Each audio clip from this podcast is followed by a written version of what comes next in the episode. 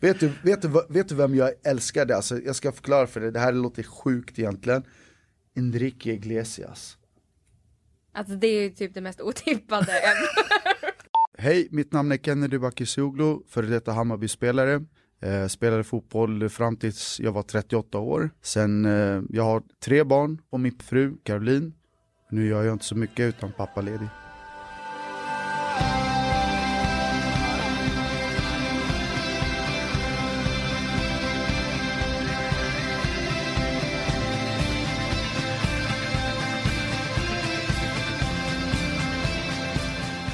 Vi säger hej och varmt välkomna till FPS podcast. Hej och välkomna.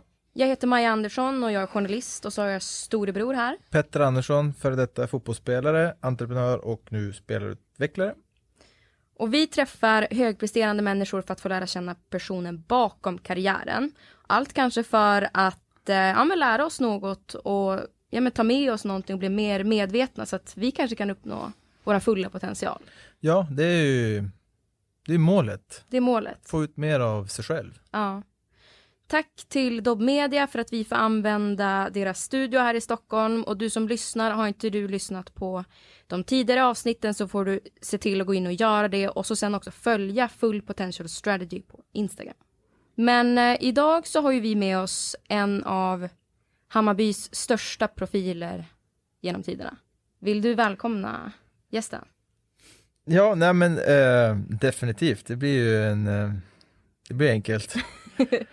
det här är alltså Mr Hammarby som var här. Jag har ju också en bakgrund i Hammarby, men det här är ju då alltså, det är en riktig legend. En snabb historia. Jag träffade Kenny första gången 2003 när jag skrev på för Hammarby. Då var Kenny liksom i sitt esse. Han var, han lämnade det efter det, det året, så vi spelade ett, ett halvår tillsammans. Och sen så eh, sen du kom tillbaka till Hammarby, det var 2012. 12, ja. Så har hans, alltså om han var stor innan, så det är han som har uppnått efter med Hammarby fram till ja, 2018 har ju som exploderat. Så det är ju en, en, en riktig legend var här idag, så det är extremt kul Kenneth att du är här. Tack så hemskt mycket. Jag ser fram emot att prata med er här. Absolut. jag ser fram emot att prata med dig med. Får jag ja, säga så? Blir, absolut. Du har ju förutom din eh, ändå stora och fina karriär i Hammarby så också du varit några svängar utomlands. Mm. Eh, Grekland, Holland, Spanien. Eller hur? Yes. Skulle du säga att du har gjort allt det du drömt om i din karriär eller är det någonting som saknas?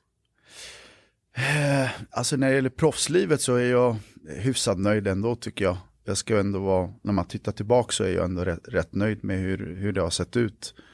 Eh, landslaget är väl någonting som jag skulle kunna trycka på lite mer. Att jag hade gärna velat spela lite mer i landslaget i och med att det var samtidigt också en väldigt svår eh, tid då det var rätt många bra spelare som, som var med eh, på den tiden då jag spelade och, och konkurrensen var väldigt hårt. Eh, det blev inte så mycket utan det blev mycket inhopp.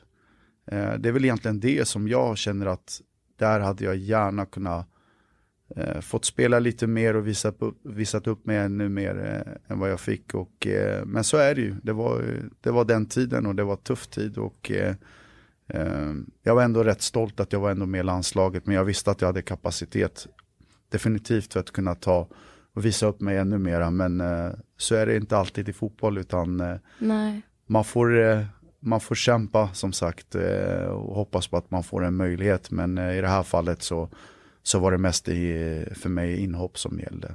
Vad var det, tror du, som saknades då för att du skulle få den här extra chansen till att bli mer stabil i landslaget? Alltså det var ingenting som saknades, jag tror att det var mer att jag var ju i min en fin utveckling av min karriär då jag gjorde det väldigt bra.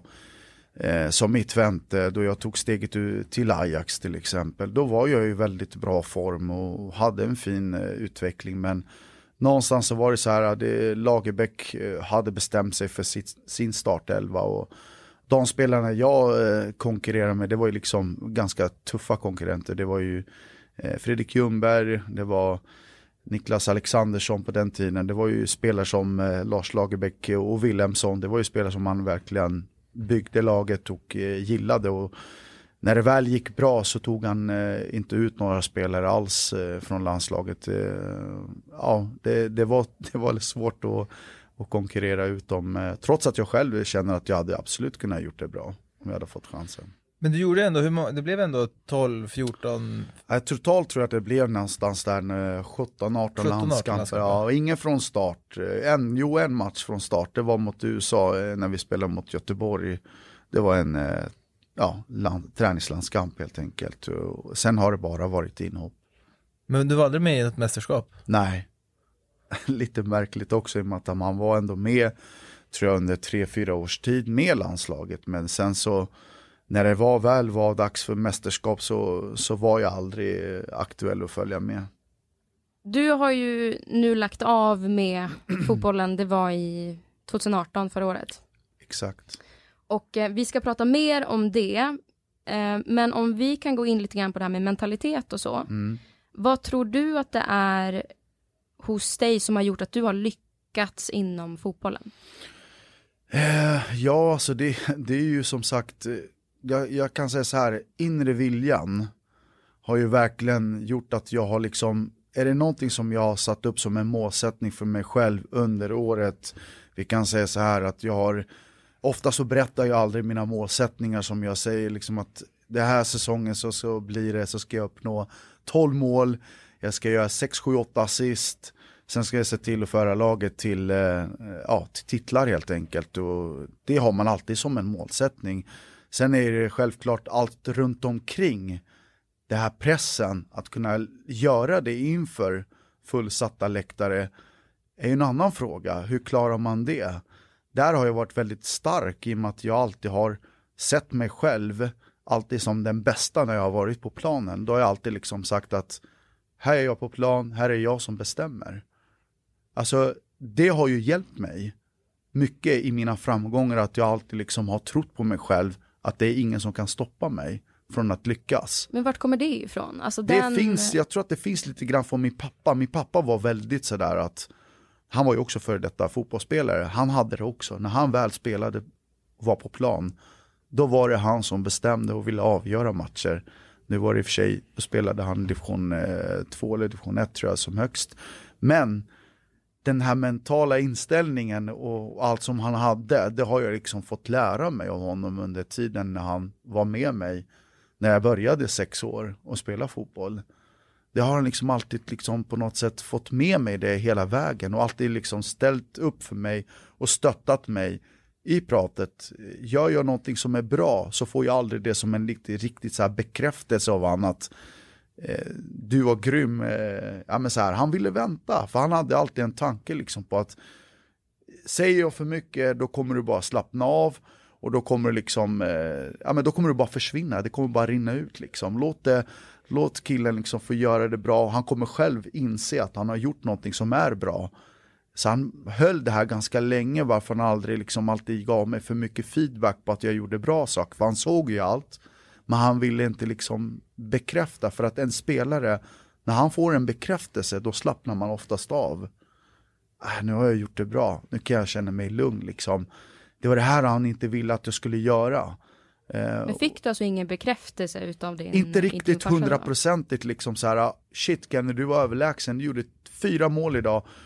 Jag är så himla stolt över dig som pappa liksom. Utan det var mer att, ja bra Kenny, bra, bra jobbat idag liksom. Det var kanske lite sämre motstånd men, eh, men det, var, det var bra liksom, det var inte mer än så. För han ville hela tiden att jag skulle uppnå de här målen liksom och hela tiden att eh, vilja mer än så.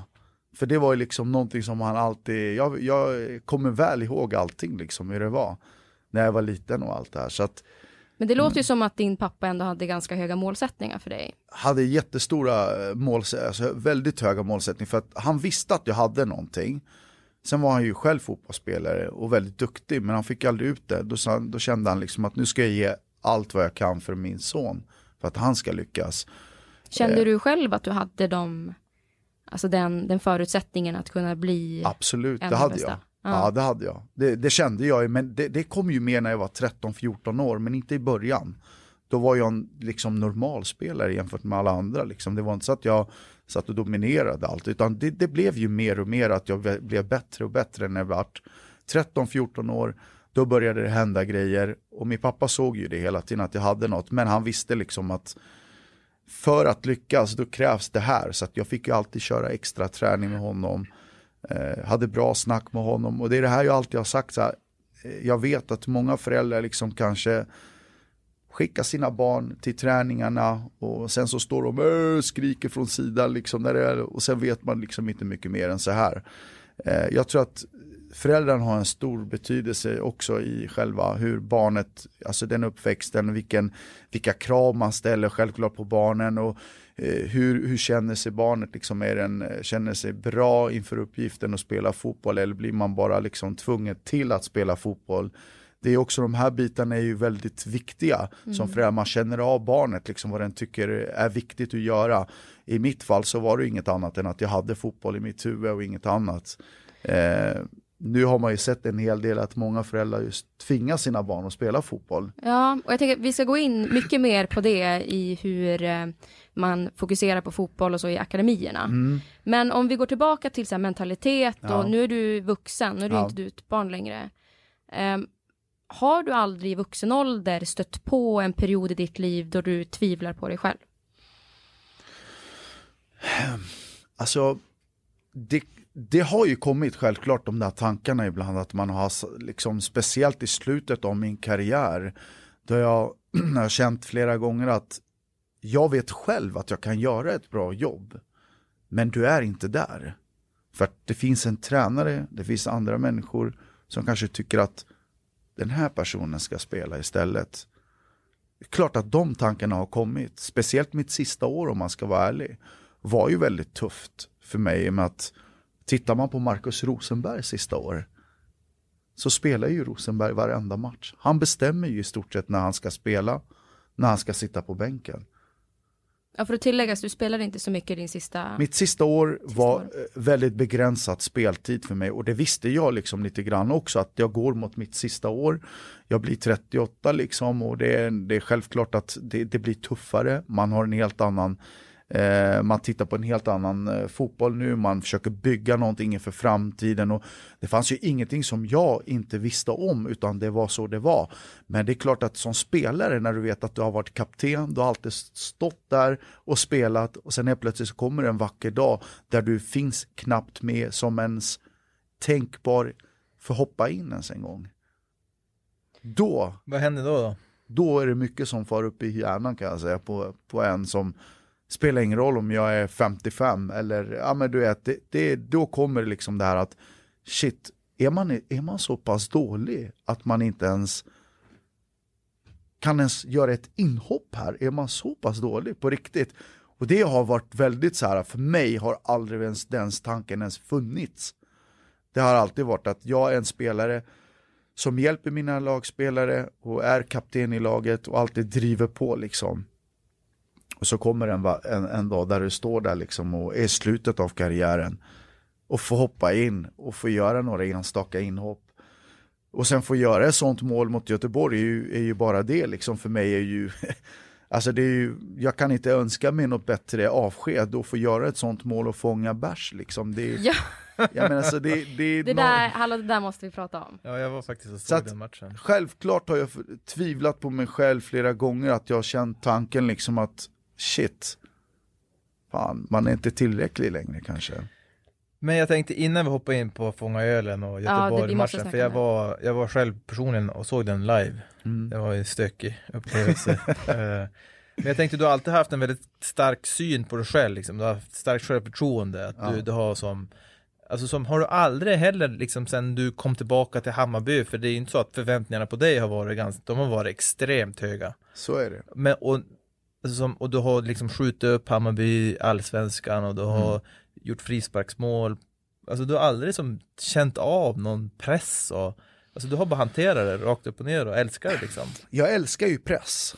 Jag, jag är en sån människa, jag gillar när det är press. Alltså då, då växer jag också som, som, som spelare, som person på något sätt. Det, det finns ju liksom i mig, det, det är svårt att förklara. Vissa kan ju tycka att det är skittufft liksom att gå in för det här året med jäkla mycket press, eh, supporter, alla kräver att det ska gå bra. Eh, för mig är det tvärtom, alltså jag älskar när det är press. När jag är på fotbollsplan då vill jag ha den här uh, lilla utmaningen att känna den här pressen. Utmaning att kunna skjuta en frispark från 30 meter och överraska så många människor. För mig är det mer att jag älskar det, om jag ska vara ärlig.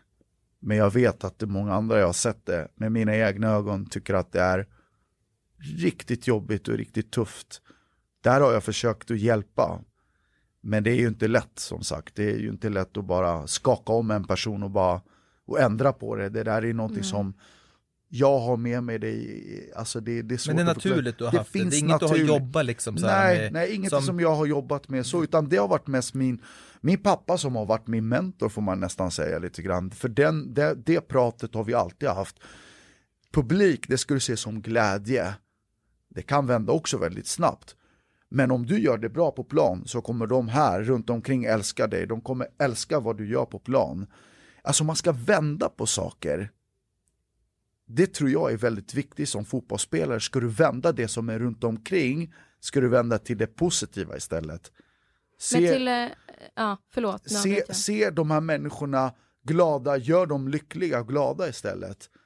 Så, så har jag liksom alltid tänkt. De här människorna ska få med om att vinna mästerskap, alltså eh, ja, SM-guld, eh, titlar, vad det ännu är. När jag är på plan, jag har en målsättning, det här ska jag se till att göra Hammarby-fansen, Bayern-fansen så glada, så stolta som möjligt. Det är så jag alltid har resonerat, det är så jag alltid har tänkt. Eh, men hur har du resonerat under de matcherna när man inte vinner SM-guldet, när man inte Det är klart att presterar. det finns en bes besvikelse. Alltså hur, ja, men hur har du hanterat besvikelsen? Finns den, det... den, den har varit lite mer att eh, så är det när man kommer hem, då är man inte på bästa humöret till exempel. Frugan har få, fått eh, eh, se en hel del, liksom. man kan vara väldigt grinig, det kan ta kan ta en hel dag för mig att smälta det som har varit. Eh, en dålig prestation för mig. Eh, jag vill inte visa det för mycket för familjen, liksom, men det är svårt ibland att bara blunda för saker. utan man, vill, man får gå in i sin egen bubbla. Alltså jag har fått gå in i min egen bubbla liksom, och inte försöka liksom, påverka de andra. Men det är svårt att inte påverka när de ändå ser mig små lite irriterad, små eh, galen ibland. Liksom, och så här. Men eh, det har funkat. Det har funkat. Du har som typ accepterat att du har en process du behöver gå igenom Exakt. för att kunna bearbeta saker. Exakt, jag går igenom en process genom att bearbeta. Det gör jag oftast eh, efter match, då kan jag vara vaken hela natten. Alltså. Då är det att jag sitter och tänker liksom matchbilder, jag sitter och tänker varför gick det så här? Vad var det som kunde ha gått eh, bättre? Ibland är det så här, det är så pass bedrövligt att jag inte ens tänker, jag försöker bara skaka bort det. Förstår du vad jag menar? Det, det, det, finns matcher som man bara inte ens, du kan inte ens gå in i detaljer för det var så himla dåligt alltihopa mm. att du bara bort fokus nästa match liksom. Och ibland finns det matcher så som kan vara att jag missar två friläge, att jag missar eh, frispark som jag vet att jag sätter. Mm. Varför? Jag menar, varför gick inte det vägen? Alltså det finns ju alltid motståndare, det måste man ju fatta. Men man vet om att man kan vara besviken på sig själv, att säga att det där skulle jag ha gjort bättre. Det kunde ha blivit bättre om jag hade haft den här skärpan liksom. Okej, okay, men nu till en match där du absolut inte gjorde bort dig. Hallå, du var där och såg den Petter, det var eh, hemmamatch mot Göteborg. Ja.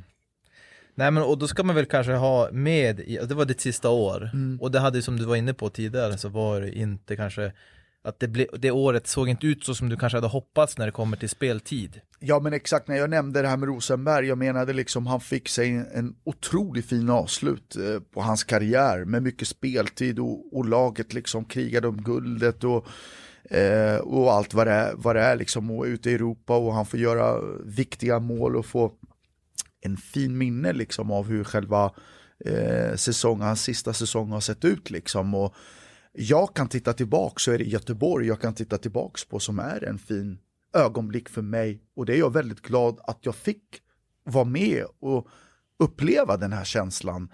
Eh, för det hade varit tuffare liksom, man hade fått spela väldigt lite och begränsad och sen så inte varit med någonting och sen så blir det ett avslut på det. Förstår du hur jag tänker? Det, det, hade, det är alltid skönt att få vara med och spela men jag vet ju om att också, så att jag sitter inte här och bara gråter för att jag inte fick speltid, det är inte det jag är ute efter. Utan jag menar mest att eh, det blev inte den speltiden som jag hade kunnat hoppats på. Mm. Nej, Men- men, och det är någonstans, det, det ska man ha med sig in i, för det, alltså som Kennedy har alltid varit en extremt duktig frispark, frisparksskytt, gjort mycket mål och så. Och man fick ju följa, alltså som, som gammal Hammarbyare så har man ju följt Kennedy och man fått följa hans sista åren. Och så visste man så att uttala att det här är sista säsongen, han fick inte spela så mycket liksom så här. Och så stod det 2-0 tror jag, och han fick hoppa in kort innan det blev frispark. Nej, det stod 1-0 till oss, 1-0? ja, och sen så blev det straff direkt. Ja just det, det var straff där. ja. Jiloan Hamad eh, blev ju, eh, skulle slå straffen och då, då kommer jag in precis när vi ska få slå straff. Och då, då hör jag liksom, eh, då har jag värmt upp i 30 sekunder kan jag säga, för jag är inte uppvärmd, jag är, det, det, liksom, det går inte. Jag kan inte bara gå fram och skjuta straffen och, och jag kände bara att det är en viktig match vi behöver vinna. Se till liksom, jag vill inte störa Jiloan heller för han har satt alla straffar och jag ville inte störa honom på något sätt. Men många tyckte att eftersom det är sista året, se till att, slå en straff i alla fall, det blir mål. Då har man ett fint minne av det också liksom. Jag förstår hur alla tänkte men jag sa det nej. Se till Jiloan och gör mål nu. alltså se till bara, vi, vi vinner den här matchen. Så kommer ju sekvensen efter fem minuter efter vi gör 2-0 och då kommer ju det här att jag får göra frisparken som är runt 25-30 meter där jag får skjuta. Exakt. Då jag inte ens stör upp Jiloan Hamad som, som fixar frisparken då. Så jag går ju bara förbi honom, du vet. han ligger ju där du vet, så här bara Jaha okej. han hade förväntat sig att jag skulle ta hand och plocka upp han. du vet. Jag bara, ge mig den där bollen nu, jag får hit den. Ja men det är det som, var- det, är det som är så mäktigt ju, för det såg så självklart ut. Men den, de som inte har sett det, kan vi berätta, vad händer mer? Nej men det ser så självklart han tar ju bara bollen liksom och, ja men du får gärna återberätta det här Kenneth, Ja, för det är, visst, din, det är din historia. Alltså det är ju, grejen är så här, jag tänker så här, det, det är ju mitt sista år, någonting måste ju ske, något måste ju hända liksom. Och det är ju ett bra läge men samtidigt väldigt långt ifrån. Vi snackar om ungefär som jag sa 25-30 meter och det är, det är ett svårt att, läge att göra mål på. Men jag sa det, jag har ju liksom ingenting att förlora. Vi leder med 2-0 liksom och, och så här.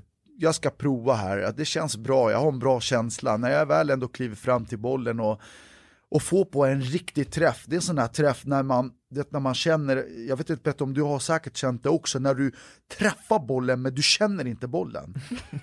Du vet vad jag menar? Det blir som ett, den, den bara går som ett spjut, alltså du, du hinner inte ens du hinner inte ens tänka liksom, när du väl får, när jag väl fick träffen, då kände jag bara det här, det här ska mycket till om man ska rädda den alltså, för att jag fick en sån fruktansvärt bra träff. Och sen liksom ser man hur de bara liksom seglar sig in i, bortre krysset och tar i den här äh, stolpkrysset där och liksom högt upp och ja, den är otagbar liksom och jag kände bara wow vilken, vilken fin, alltså vad, vad fint det blir liksom, det blir en bra ögonblick. Så jag, som tur så blir jag, jag blir ju så glad liksom så att jag kutar emot supporterna liksom och för att fira. Och jag är väldigt glad att jag är så pass snabb fortfarande. att de inte liksom hinner få tag på mig. Ja, medspelarna ja. Exakt, för att tar de mig före, för jag springer ju en, en runda på, vad är det, 20 meter, 30 meter kanske. Då kastas ju ett plastglas med så här mycket öl, då, halva glaset då kan man säga. Att det också bara liksom far upp i luften och inte hälls ut plastglas. Kom igen nu, ta ett plastglas och häll i vatten och kasta upp så får du se att den hälls. Det är som att det är någon som har bärt ner den hela vägen så här och bara här, fånga det här. Du tar den med enhandslyra, visst? Ja, jag, alltså jag gör ju så här, så grejen är att jag, jag firar ju liksom med supporten men någonstans händer whoop. Där kommer någonting helt plötsligt, shit vad är det som händer? Jag plockar liksom det här plastglaset och sen bara tittar, vad fan det är ju öl liksom, bara, whoop, bara häller i mig det här och ingenting spills ju. Så jag bara häller i mig allt och bara kastar upp i luften och bara liksom firar och ingen ser ju vad som hänt. Nej. Det är ingen som, alltså det går ju så himla fort allting. Och så kommer ju sen grabbarna och bara kramar om mig, du vet så här, då har jag hällt i mig så här mycket öl, liksom halva glaset ungefär typ. Och sen bara, så bara frågar grabbarna mig så här bara, "Va, Alltså du stinker öl, vad, vad har du gjort för någonting? Har du suttit på bänken liksom bara hällt i dig eller vad har du gjort för något? Jag bara grabbar lyssna, vi firar nu, jag berättar sen efter matchen så får ni se vad som har hänt. Så det var ju ingen som fattade liksom. Sen Nej. efter en timme när vi kom till omklädningsrummet då, då kom ju hela klippet. Då är det någon som har fångat hela klippet och, och fått med allt det här. Ja, men och det klippet blev ju sjukt Det blev viralt över hela- och, ja, ja, ja. Brasilien, eh, Neto Borges var ju med, liksom, han skickade till mig så här, i Brasilien har man skickat hela Ja, den här målfirandet i Australien var det en, en Hammarbyare som skickade till mig också bara Shit du är så jävla stor i Australien, de bara pratar bara om ditt mål här och ditt ölfirande. Och i England var det ju så här väldigt stort i och med att i England är det, ja men du vet bärs och man firar och man har kul liksom på, på läktaren och så här så det blev ju också väldigt stort men Ja, man fattade inte det direkt efter match så här vad som hände men man förstod det mer och mer efter ett tag när man hade landat. Men det blev sista målet i ja, din karriär. Blev, ja, exakt. Det blev Vilket mitt sista jävla mål i mål. karriären. Och jag har haft en fantastisk karriär i Hammarby liksom, och jag har gjort precis allt vad jag kan i klubben och eh, för supporterna, för fansen. Liksom, jag, jag känner att jag hade inte mycket mer att ge än vad det jag gav. Jag gav dem det sista jag kunde liksom. Och de fick precis det de också älskar, att dricka öl. Och det ska de fan göra med mig Han på du- Söder. Petter, du var ju och såg det där. Han du se det eller? Nej. Ölsekvensen? Nej, nej, utan det, man, alltså, som, det blir så grötigt, det går så fort. Så som, Mm. jag, hann inte, jag hann inte uppleva det, men det var ju, jag, jag fattar ju, alltså, vilket minne. Wow. Men så fick du också en, en otroligt mäktig, Avslutning, Avslutning, ja, ja. avtackning Av, hemma mot, avtackningen är ju magisk, jag kan aldrig tänka mig något. Det var en vecka efter eller? Ja, den 4 november var Häcken hemma. Ja. Ja, det var ju också någonting som jag, ja, Eh, man gråter inombords när man tänker tillbaks liksom hur själva ceremonin var, avskeden och ultrastifo, människorna som har lagt ner så himla mycket jobb liksom under hela året. Efter Göteborgsmatchen så vill jag ta mina fotbollsskor och säga bara tack för mig på presskonferensen, jag är klar. Kan vi få avsluta? Men eftersom jag visste att det fanns så himla mycket människor som hade lagt ner så mycket jobb på att göra en fin tifo-gruppen och allt vad det, vad det innebär så kände jag bara att vi tar det 4, 4 november och så får det bli en väldigt fin avsked och när jag väl tittar tillbaks på den så, ja, jag kunde aldrig tänka mig något bättre. Eh, Kärlek eh, av fans, Hammarby-fans som jag har fått och eh, de som har varit inblandade, involverade i detta är ju, jag är mer än tacksam att jag fick den avskeden. Det måste ha varit superemotionellt ändå. Att Ja. få, alltså för som jag förstår det så var det tifo runt hela Tele2 Arena va? Ja, ja men exakt. Ehm, och Det, ja, var väldigt, att, det var väldigt känslosamt, det måste jag erkänna. För att när jag väl tänker tillbaks på det så, eh, alltså det går inte att ta på den här känslan, du vet hur det är när du kliver ut med laget. Eh, eh, jag fick ju kliva ut med laget nu då, jag, jag satt ju på bänken den matchen, men jag fick gå ut med laget eh, och sen så gick jag och satte mig på bänken, men det var bara det var ju en en så vacker eh, ögonblick liksom att eh, få gå in där och titta sig runt omkring och se hela tifon vad, vad som gjordes. Eh, det var ju så himla mäktigt att ja, eh, det, det är liksom det är väldigt känslosamt, det får man säga. men nu är ju karriären slut. Yes. Ingen mer fotboll. Hur eh, ser livet ut idag nu när inte fotbollen är med i bilden längre? Ja, det är väldigt mycket familjen.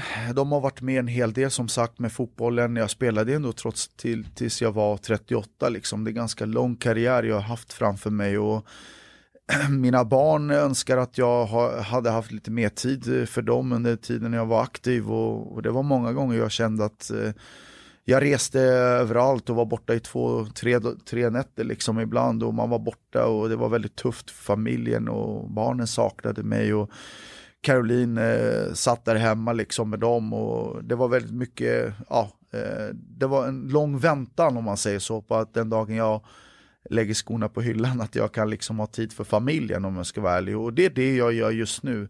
Full fokus på min familj, eh, mycket med Leo som spelar, han är sju år, eh, han spelar, det är mycket träningar, det är mycket matcher, turneringar.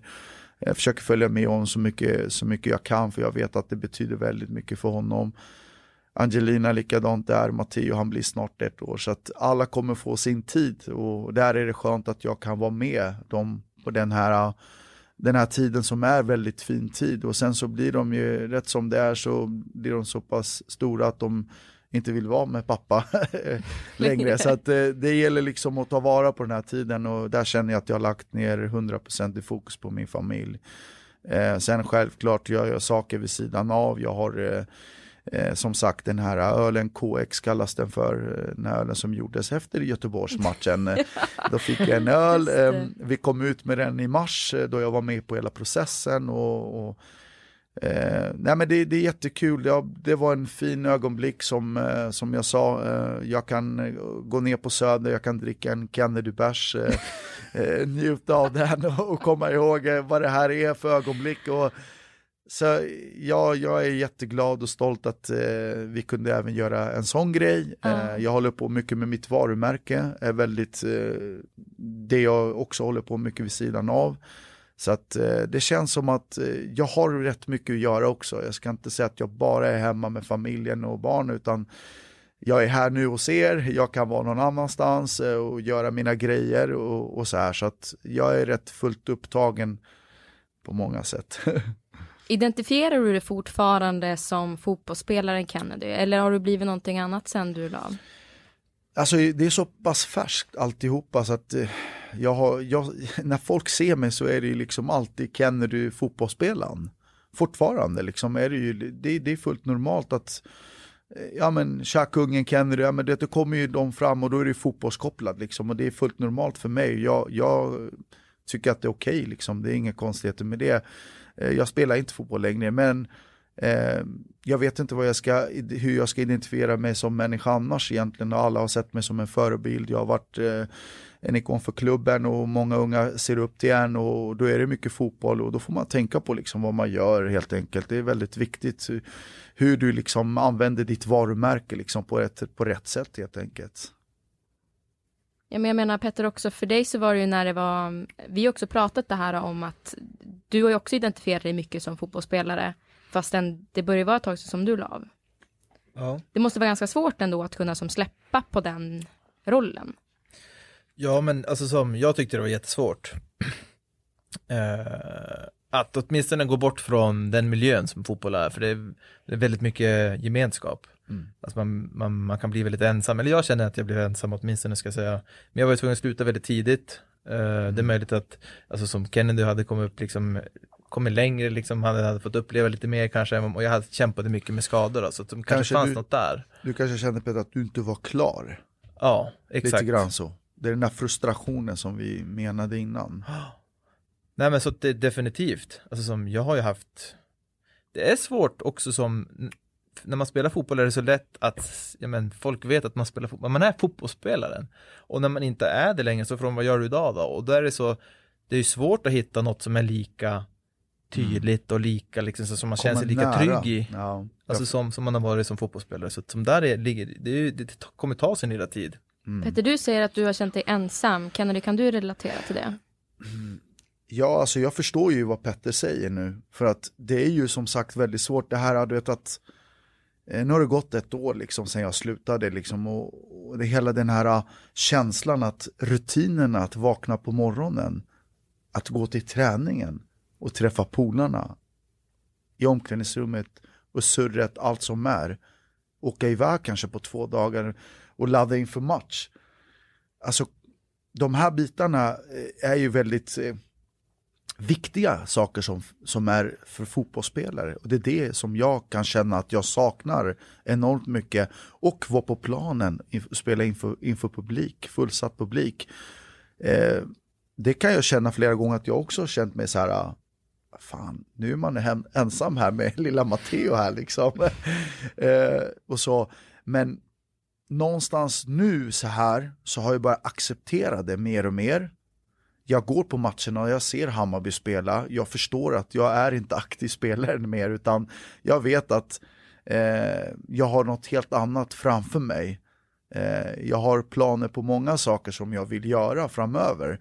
Och det tror jag är en viktig del i att när man har slutat som fotbollsspelare, att man har aktiva saker på gång för att det kan lätt bli att man blir ensam, eh, man känner sig ensam, man har inte den här socialiteten runt omkring sig som man är van vid. Hej, tjena, hej, liksom allt, det, här, det här har man inte på samma sätt. Så När... det är viktigt att man har någon sysselsättning som passar en och det är inte lätt. Det är otroligt svårt Men kan, kan man hitta den, då kan man lite mer acceptera att man har kommit bort från den här fotbollsvärlden. Där äh, det som man har varit van vid. Då kan man leva med det och sen börjar liksom sakta men säkert balansera sig. Då har du hittat din balansgång liksom i livet, i din vardag. Men hela funkar. den här äh, ölgrejen kom ju liksom när det redan var klart att du skulle lägga av. Mm. Hur gick tankarna strax innan? Okej, okay, var du stressad över att nu kommer inte jag ha fotbollen längre? Jag vet inte vad jag ska hålla på med. Eller fanns det en plan någonstans i att okej, okay, när jag har lagt av, då ska jag göra det här? Jo, absolut. Eh, jag hade ju som sagt rätt mycket i mitt huvud vad jag ville göra. Men eftersom jag inte kunde göra det när jag var aktiv spelare så var det väldigt svårt. Du laddar ju inför match i stort sett hela tiden. Och Caroline, min fru, hon, hon tillsammans med barnen gick ju ut tidigt morgonen liksom. Bara för att jag skulle få sova ut. För att hon vet att han måste göra detta för att klara av det här. Annars vet vi liksom att ja, men får han inte vila ut så kommer han inte kunna prestera heller. Så att jag, jag, jag tror att någonstans att det är viktigt att man förstår hur livet är som fotbollsspelare. Den som lever med dig, att hon förstår också vad som gäller som fotbollsspelare. För spelar man på sån hög nivå så är det mycket som krävs. Och den dagen, man, den dagen jag slutade så hade jag enorma ambitioner på vad, vad jag ville. Som just mitt varumärke, jag vet att jag skulle kunna ha egentligen startat den redan när jag var som aktiv spelare. Men jag vet att det hade tagit mycket kraft av mig. Det hade fokus varit på det här. Min fokus hade varit utspridd överallt. Då hade jag liksom fotbollen varit här. Men då hade jag liksom inte kunnat prestera på samma sätt. Och jag kände så här, låt mig göra klart min sista tid som fotbollsspelare. Därefter vet jag att jag har stora ambitioner, jag har stora möjligheter. Tillsammans med Hammarby självklart. Men tillsammans med de som är kunniga och kan den här, det här området helt enkelt. Där jag vet att jag kan gå in med någonting som jag känner att det här, det här, det här ville jag. Från dag ett egentligen. Det får komma efter karriären. Har du samma slags, ja men, syn på dig själv och att det kommer gå lika bra liksom i ditt nya eh, ja, men även om du kanske inte sätter upp lika högt ställda mål som Nej. du gjorde med fotbollen. Mm. Men att du ändå känner att du känner så pass trygg i dig som människa. Liksom. Att det jag går in i, det, det, det kommer att bli bra. Det, det, det, finns ju aldrig garanti på sånt. Nej. Det vet man att det aldrig finns. Liksom. Och så här, det, det har jag inte liksom, den självkänslan har jag inte på det sättet att som jag hade när jag var aktiv, att jag kunde göra liksom, här ska jag gå in och här vill jag göra, det ska bara ske. Utan här vet man ju liksom att det kan ju liksom, alltså ett varumärke är ju inte liksom färsk hela tiden. Den liksom, med åren så bara försvinner, det kommer nya liksom. Och någonstans så har jag byggt en kärlek till mina supporter, Hammarby-supporterna, allt som jag har gjort för klubben vet jag alltid att de som känner till mig kommer alltid veta vem jag är. När jag gör någonting så vet jag att de här personerna som köper mina grejer eller vad det kan vara, gör det för att de vet att det är jag de gör det för. Förstår du vad jag menar? Så där känner jag mig rätt, rätt bra, den relationen jag har haft. Men sen beror det på vad jag exakt gör. Det är en annan sak. Vad, vad går man in i? Vad är det man har för tanke? Det är, ibland är det som Lotto, du vet ju aldrig. Nej, men det är så, det är så det är. Vissa saker har du hundraprocentigt vetande att det här vet man att det här kommer ju bli bra. Det här är lite chansning. 50-50, blir det bra, ja men då blir det bra, annars blir det bara, då kraschar det. Så det är lite grann sådär, det är lite svårt att säga exakt.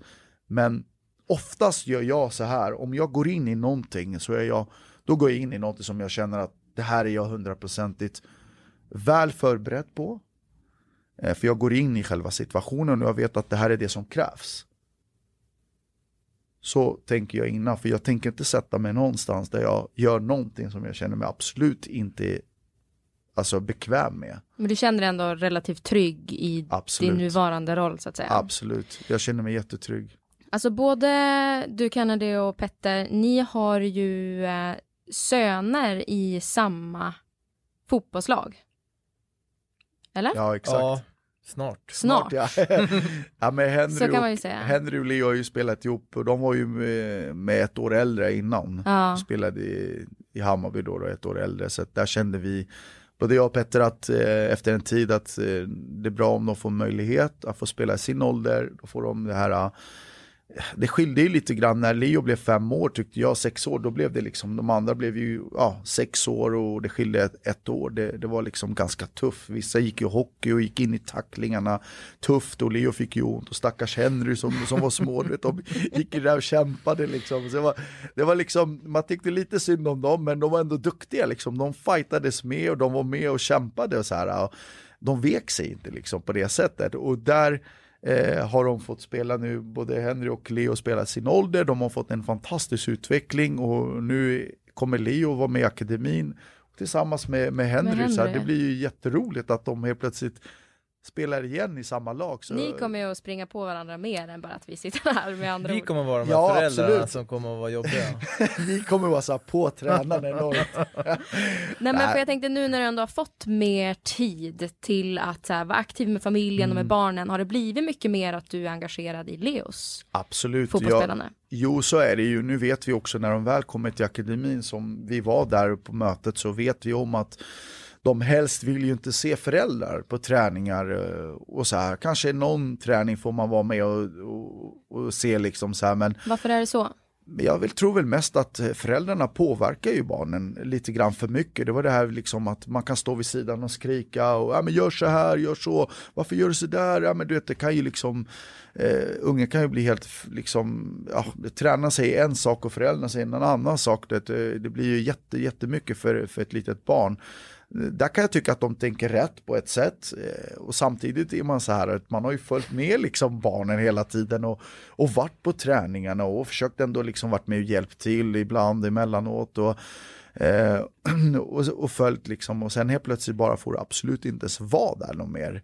Det kan vara lite tufft kan jag tycka faktiskt i, i början. Som förälder. Ja, som förälder. Så man vill ju ändå liksom se vad är det som händer liksom och, och jag tror att de har säkert rätt bra koll eh, på akademi vad de, vad de gör. Jag, jag, känner mig ändå trygg på det sättet men jag vill ju självklart vill man ju ändå se hur de tränar eh, och, och så här. Ja, nej, men man är ju det. Alltså, alltså, varför de har gjort så är väl för att man har haft mycket problem med föräldrar. Alltså som att det har varit mycket påtryckningar från föräldrar mm. vars barn kanske inte får spela eller får spela för lite eller alltså försöka ta bort den delen och, och så, som, så att de får mer tid med bara barnen så det blir mer för att barnen påverkas jättemycket av föräldrarna, så är det ju. Ja men om vi kollar sett till ungdomsfotboll och akademi och allt mm. sånt där. Att, för jag menar det måste ändå innebära någonstans att både Leo och Henry, det blir ju ändå ett satsande i sju års ålder, eller?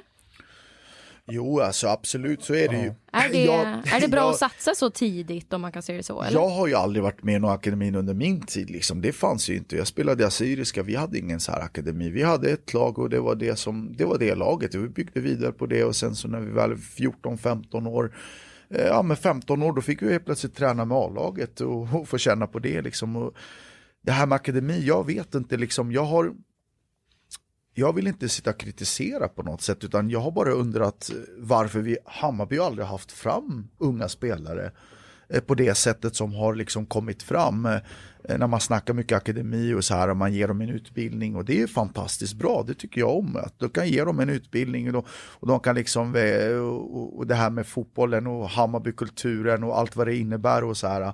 Men någonstans, jag önskar att det kommer fram mer unga spelare att vi kan få fram flera spelare, unga spelare i Hammarby som kan ta steget så att många känner också att det finns en chans att man faktiskt hamnar i A-laget, att man får spela i A-laget.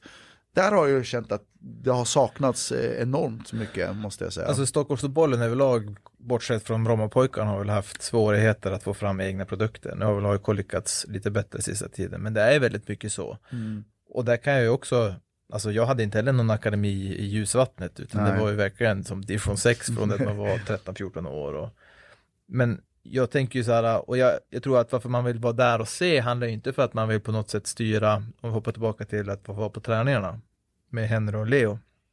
Det är för att man är så insatt själv tror jag. Mm. Tror även du Kennedy mm. har ett ganska brinnande intresse för just ja, men, som utveckling och sånt och du har ju mm. varit i Ajax, ja. alltså du var i spansk fotboll liksom och sett andra kulturer och hur ja. de jobbar mm. med spelutveckling och jag kan tänka mig att Det är helt magiskt Alltså speciellt Ajax, där, där finns det ju liksom, man ser ju, det är bara att titta deras lag, det är ju helt magiskt. De har ju 17-18-åringar som spelar Champions League och som gör det hur bra som helst med några få enstaka ledare i, i truppen liksom. Och det är klart att det är en skola. Jag har sett det med mina egna ögon och de är 6-7 år och de får lära sig i tidig ålder. Och jag tycker inte att det är fel, jag tycker att det är bra. För när de är 15-16 år då är de redan klara för att spela i A-laget. Men vad är det de gör? Vad är det för skola liksom som du har sett? Alltså, som... alltså det, som, det som de gör är ju, de börjar i tidig ålder med dem och förklara liksom det här är Ajax, man spelar så här, så här spelar Ajax.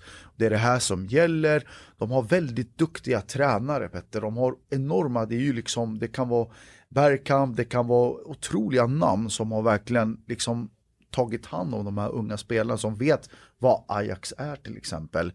Så här spelar man, de har ju liksom verkligen gått igenom hela den här Eh, hur ska jag förklara, men det, det är liksom från sexårsåldern fram till de är 17 år.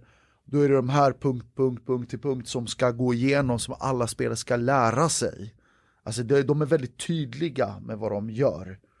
Och de jobbar på ett helt annat sätt. Alltså det snackar om teknik, vi snackar om tillslag, vi snackar om eh, snabbhet. Alltså jag kan inte jämföra den träningen som görs i Holland och görs i Sverige så är det stor skillnad. Alltså. Men är det mer att de tränar mer eller är det att de tränar Både annorlunda? Och. De tränar annorlunda och de tränar mer. Ja. De, har en, de har till exempel eh, bussar som åker och hämtar ungarna från skolan och kommer till träningen. Alltså från klubben? Ja. Alltså de, jag förstår att det, det där, de resurserna finns ju kanske inte i i Sverige, liksom, att man åker runt och hämtar. För de känner liksom att det finns en jättetrygghet för, för föräldrarna. De åker till träningen och hämtar upp dem, eller från, från skolan, de skjutsar dem till träningen, de tränar klart, de skjutsar hem dem. Alltså det finns en trygghet i det de gör. Förstår du vad jag menar? Där, det är klart att hade det varit i Sverige också samma sak så hade man kanske kunnat träna lite mer också. Men jag vet Skellefteå alltså uppe i Skellefteå, men det var det ju på, med hockey så var det lite så tror jag, som ja. jag förstod det. Ja. Att för att ge barnen lite extra förutsättningar så hämtar man dem liksom, och plockar upp dem från, ja, och så skjutsar hem dem sen då. Jag tror att det är en trygghet som förälder också. Att man mår bra liksom att eh, mitt barn vill satsa på fotbollen. Fantastiskt, de möjligheterna finns. Klubben Ajax erbjuder de här möjligheterna. Och jag är, alltså jag, jag såg, det, det är en skola, så det är helt går inte att beskriva. Alltså. Men varför är då Hammarby eller Sverige generellt, då, allsvenskan, så dåliga på att ta fram sådana spelare som ja, men Holland lyckas göra, eller Ajax, Ajax specifikt. Vi snackar inte bara om alltså... Ajax, det kan vara vem som helst. Jag tycker hela Holland är ju duktiga på det här. Det kan vara FC Twente, Groningen, det kan vara, men självklart Ajax är ju väldigt specifikt. Men varför är Sverige så dåliga på det då?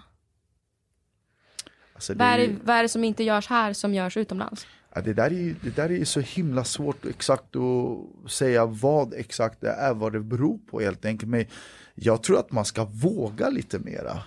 Det känner jag, att man ska våga satsa lite mer. Våga liksom låta dem göra misstag. Eh, våga, dem, våga låta dem göra, alltså misslyckas. Det, det gör inget.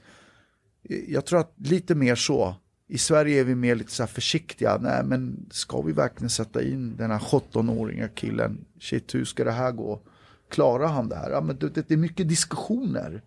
Det är liksom diskussioner eh, hur han ska liksom klara av att spela eh, på mitten. I, I, Holland så är det så här, är du klar, då spelar du. De är, det är så det funkar. Jag önskar lite grann lite mer sånt i Sverige också, att man ger dem chansen. Låt dem visa vad de går för så är jag säker på att de kommer kunna ta chansen också. Men att man inte liksom bara för att de gör en dålig match, helt plötsligt är de inte i sin närheten och får spela något mer. Att som tonåring kan kunna ha en ganska klar bild som fotbollsspelare vad man har för drömmar och, och liksom att man vill vidare upp till till exempel allsvenskan eller utomlands. Det kan ju vara ganska tydligt. Men i akademier och riktigt så här, ungdomsfotbollen så, så kan det väl ändå finnas en risk också att så här, nu vet inte jag hur ni upplever det, men eh, kan det inte finnas de som också har föräldrar som är mer pådrivande i barnens utveckling än att själva barnen är intresserade av det? Jo, men så är det ju verkligen. Vi, kan man se sånt eller? Ja, det kan man ju verkligen se. Det har vi sett flera gånger, i alla fall jag har sett det flera gånger att Alltså, det finns alltid så här, föräldrar har ju alltid en dröm. Att de önskar att se sitt barn till exempel och lyckas. Det, det kan vara, han ska vara Cristiano Ronaldo, jag vet inte, Messi. Eh, jag vet inte, liksom, det är bra att man har målsättning, att man vill någonting, men någonstans är det också viktigt, du måste, det måste finnas en känsla lite grann och se hur barnet egentligen trivs med det den gör du kommer ju märka av någonstans att det här funkar inte mer. Man kan inte vara pådrivande på, på ett, eh, du kan inte maxa ett barn för att du vill själv så himla mycket. Jag vet att jag till exempel vet att jag kan ibland emellanåt vara så lite för mycket till och med. Så här mot Leo så här, men Leo vad gjorde du nu för någonting? Ja, men det, är så här, det är för att man är så insatt i situationen, man, man förstår inte bara eh, ibland vad man kan slänga ut sig från munnen på riktigt. Alltså, sen kan jag tänka om efter, så här, men herregud vad sa jag för någonting? Så kan ju någon annan vid sidan där uppleva det som att shit vad, vad säger han för någonting egentligen? Alltså sånt här eh, är ju väldigt, väldigt vanligt kan jag säga. Eh, att man ser mycket sånt eh, bland föräldrar. Det, fotboll har blivit någon form av en... Om man lyckas med fotboll, då har du ett Alltså då kan du ha bra liv, du kan leva ett bra liv, du kan liksom, ja blir du proffs då har du tjänat bra med pengar, eh, du behöver inte jobba kanske, liksom, det är vad jag menar, liksom, därför ser alla föräldrar det som en stor möjlighet. Om man vet att ens barn har ett intresse, då trycker man på ännu mera, för att man vill att den ska lyckas.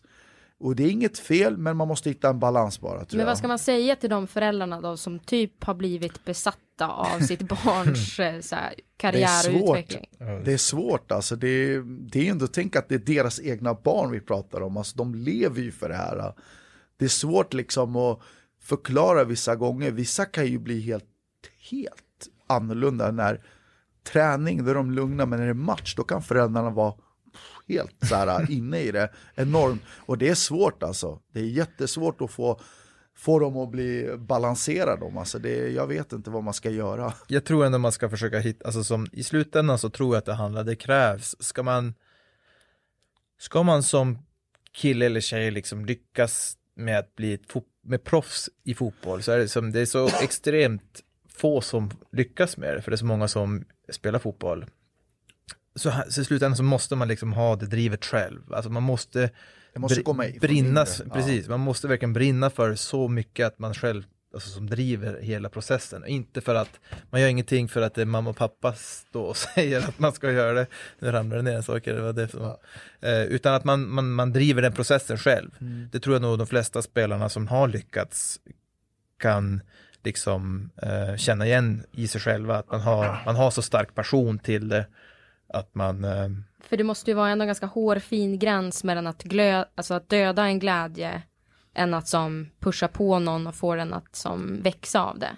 Ja, 100 procent. Där tror jag att det finns en, en balans för att det, blir, att, man kan, som, att det kan bli för mycket press, liksom. att man kan överföra en sån sak, att man mycket förväntningar. Då har man ju själv eh, alltså, som upplevt, bland annat i det arbetet man gör, där man har mycket historia, men också som hur man alltså, som kan påverkas av ut, utomstående förväntningar. Så är det, ja, ja absolut. Det är oftast det som är ut, alltså de utomstående är ju, är ju det är där pressen kommer ifrån egentligen. Självklart från föräldrarna också, självklart. Men jag tror att det är mest, eh, det är när du står där inför det här som händer runt omkring. Att klara av det. Det tror jag kan vara eh, jättesvårt för många att klara av och pressen. Och många klarar av det, de tycker att det funkar bra. Eh, de, de fixar det, men vissa andra de kan, typ, ja, kan gå in i väggen vissa av dem. Alltså det, det är jäkligt tufft att se ibland. Vi har ju fått in eh, några frågor via vårt sociala mediekonto, Full mm. Potential Strategy på Instagram. Mm. Och eh, Timmy Annerbrink har en fråga till dig. Har en tomhet dykt upp efter karriären? Prata gärna om tiden i Spanien och hur spelarutvecklingen så, såg ut där kontra Sverige. Mm. Jo, men alltså Tomhet självklart, det var ju det vi sa här, det kan kännas tomt emellanåt, eh, speciellt när man eh, eh, har varit med hela tiden och, och, och varit aktiv och, och, varit en del av den här resan. Så står man där och, och inte spelar något mer. Eh, men samtidigt så finns det så mycket runt omkring mig som gör att jag känner mig ändå rätt bra med det också. Så att eh, jag är ändå, det känns bra faktiskt nu efter ett år så här. Så jag börjar komma in mer och mer i, i mitt vardagsliv, i mitt liv. Där jag gör massa saker och så här. Så att eh, det funkar bra. Jag ska inte eh, vara för negativ så här, men eh, jag förstår själva frågan. Det, det, det är lätt att man blir, eh, det blir tomt och eh, man står där och inte har så mycket att göra. Men det gör jag inte, utan eh, jag känner att jag är på rätt väg nu. Vi har en fråga från Skoeld. Vad är ditt allra bästa Bayern-minne? Ja, vi har ju... Ta inte Göteborg nu. Nej, vi har ju SM-guld, vad ska jag säga? Det är ett otroligt fint minne. 2000... Som, 2001, det är klart att eh, det är ju, alltså det är en titel som vi, vi blir svenska mästare och det är det guldet vi har.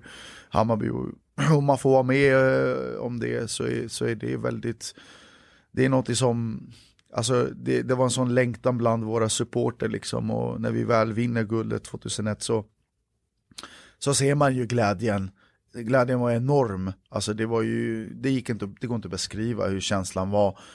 Eh, man gjorde så himla många människor glada och när man tänker tillbaks på den tiden, den, det ögonblicket när vi vinner mot Örgryte hemma så, så ser man ju liksom fortfarande så här, man har det framför sig liksom, det gamla Söderstadion, det luktar gräs, folk är överlyckliga, folk gråter av lycka liksom och alltså det, det går liksom, det är så himla mycket kärlek, det är som passion liksom det, det för mig är en jätteögonblick alltså. Fan vad fint ändå. ja, alltså titta på mig för. Jag är bara avundsjuk. Jag, jag tror att, jag, jag, tror att jag, jag sa det till grabbarna redan förra året. så, så satt vi liksom i omklädningsrummet och det var många som så frågade mig, alltså fan kan du, kan du vara så jäkla stor i Bayern liksom? Alla älskar ju det så här, det.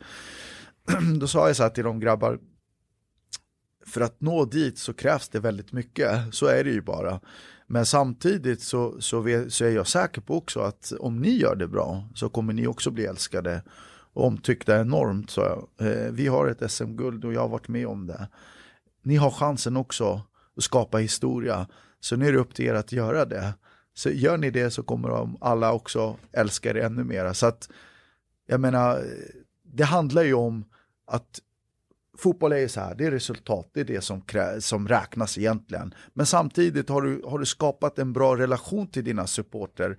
Eh, du har en bra kärlek till supporterna, du har alltid stått upp där. Det har gått dåligt så har alltid stått upp. Jag har alltid varit liksom den som har tagit rätt mycket liksom när det har varit dåliga resultat. Jag har ju stått där inför kanske 100-200 Bayern-supporter som är ilskna, besvikna.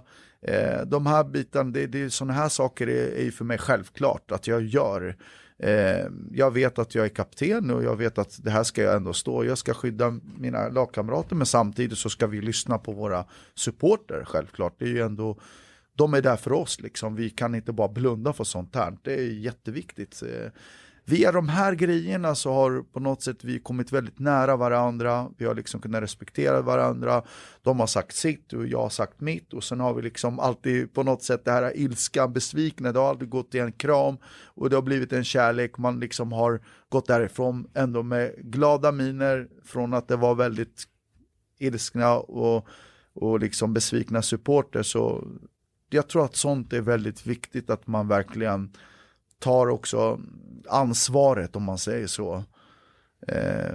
Om du skulle skicka en hälsning till, eh, till grabbarna i laget och till bayern supporterna vad skulle du vilja säga då? Kör för 2020, då blir det SM-guld. Kör bara. För det känns ju bara som att vi kommer köra igenom hela serien. Det är den känslan jag fick. Om jag ska vara ärlig, förra, alltså den här säsongen, hade matcherna pågått två, tre matcher till så tror jag vi hade krigat om SM-guldet. Det gjorde vi, alltså vi hade ju kunnat tagit hem det tror jag. Nästa år, kör.